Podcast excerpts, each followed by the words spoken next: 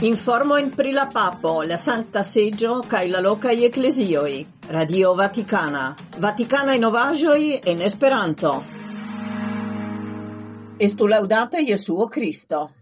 Elkoran saluton al ĉiuj geaŭskultantoj de la elsendoj de Radio Vaticana in Esperanto. Dum la hodiaŭa ĝenerala aŭdienco papo Francisco invitis al medito pri malsano de la animo, kiu povas enŝoviĝi kaj elĉerpi personon ĝis ties terenfaligo.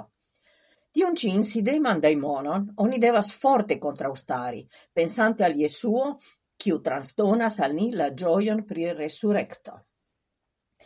Necessas distingi inter la du malsamai spezoi de malgioio, Tiu, kiu estas parto de la convertigia cristana irado, kaj kiun la dia graco transformas en gioion, Kaj tiu, kiu enŝoviĝas en la animon, kaj conducas al forta sento pri senkuraĝiĝo.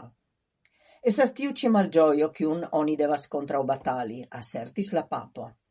Esas do malĝojo amica, kiu gvidas nin alla savo, Estas ia grazzo ploradi pri la proprei pecoi, memori la grazza netosson, el ciu ni eliris. Plori, ni perdis la purezon, en ciu Dio prirevis nin. La dua spezzo de malgioio estas malsano de l'animo. La papo clarigis che gi estas conligita al sperto priperdo, che una schigias en la coro pro la mala pero de iu desiro, revo, espero. Ciam tio casas, estas kiel se la coro de la homo falus en crutegajon, cae la sentoi el provitai estas senkuraĝigo, spirita malfortezza, deprimigio, angoro. Ni ciui travivas tiui nel provoin, ciui portas al ni malgioion, char la vivo sugestas revoin, ciui poste fracasigas. En tiu ci situazio, post iom da tempo malquietiga, oni sin confidas al espero, sed aliuloi sin dorlotas en melancolio permesante al cilasta gangrenigi la coron. Ni devas priatenti tiun ci malgioion, cae pensi che Jesuo portas al ni la resurrectam gioion. Sed cion fari ciam ni estas malgaiai? Demandu vin, ciu tiu estas bona malgaiezzo au ne bona? Cae seque, reagu lau la naturo de malgaiezzo. Ne forgesu che malgaiezzo povas esti tre malbona cae conducanta al pessimismo, al egoismo, ciu malfacile resanigas, concludis la papo. Papo Francisco telefone parolis cun monachino en Haitio. Fratino Paisie zorgas pristrati infanoi en Haitio. Si es ciam occupata. Cutime, ciam si trovas tempon por preni telefonon, signifas che estas problemo solvenda. La 3 de februaro, la situazio evidentigis malsama.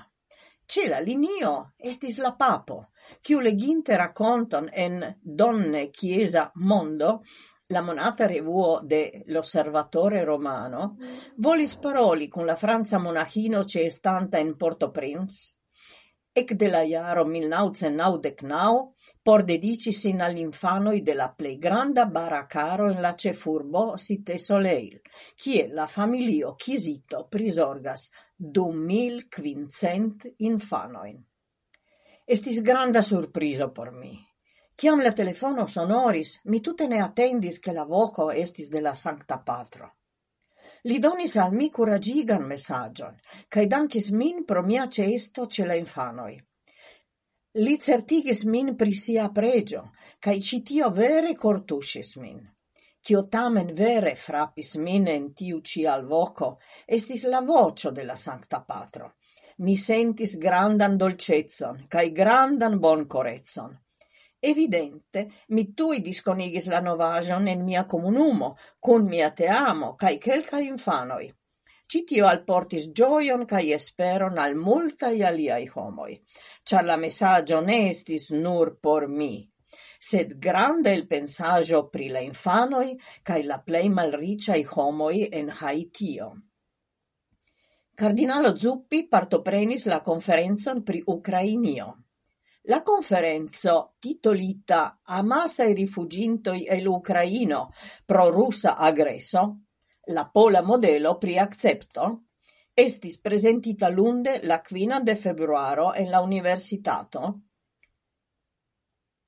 Fare de la kardinalo Stefan Wyszynski en Varsovio, sub la patroneco de ĉefepiskopo Stanisław Gandecki, prezidanto de la Polepiskopa Konferenco, okazis discuto kaj resumo pri la situacio de rifuĝintoj el Ukrainio e la contesto de conflitto konflikto, kiu ekstartis februare du mil dudek.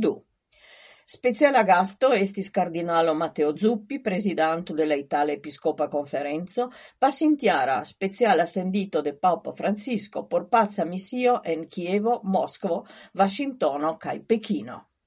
En sia parolado, cardinalo Zuppi presentis concreten datumoin, kiui helpas compreni la dramon, un homoi travivas ec de la comenzo de la milito en Ucrainio.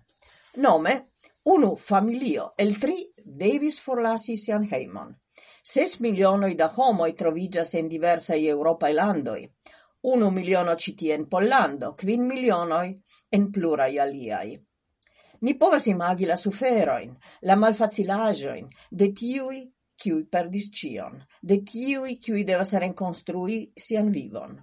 En Ucrainio malriĉuloj du obligis dum la lastai du jaroj. Unuigintai nazioi informas che sep milionoi da Ucrainoi travivas grandan humanitaran crison. La presidente della Italia Episcoparo parolis ancau pri novae iniziatoi en programmitae de Ecclesio en Italio. Por la venonta somero ni shatus inviti centoin, miloin da infanoi cae adolescantoi, infanoi de orfeioi, au tiuj kiuj simple fugis de la milito cae gasti en italaj familioi. Tiu ci iniziato, l'aula cardinalo, helpos sperti tion, cion travivis multaj poloi, bonvenigante ucrainoin, comprenante ilian suferon cae ilian besonon pri rifugio. Fine la cardinalo substrecis che estas prisorgo de la papo crei ciuin chanzoin, vidi, ausculti, cae curagigi cion cio povas gvidi al solvo de la conflicto. Cae tie ci finigas niel sendo. Salutas vin Edvige Ackerman, Elda Dörfler, Jitka Skalitska, cae la respondenza redaktoro Maria Belosevic. Estu laudata Iesuo Cristo.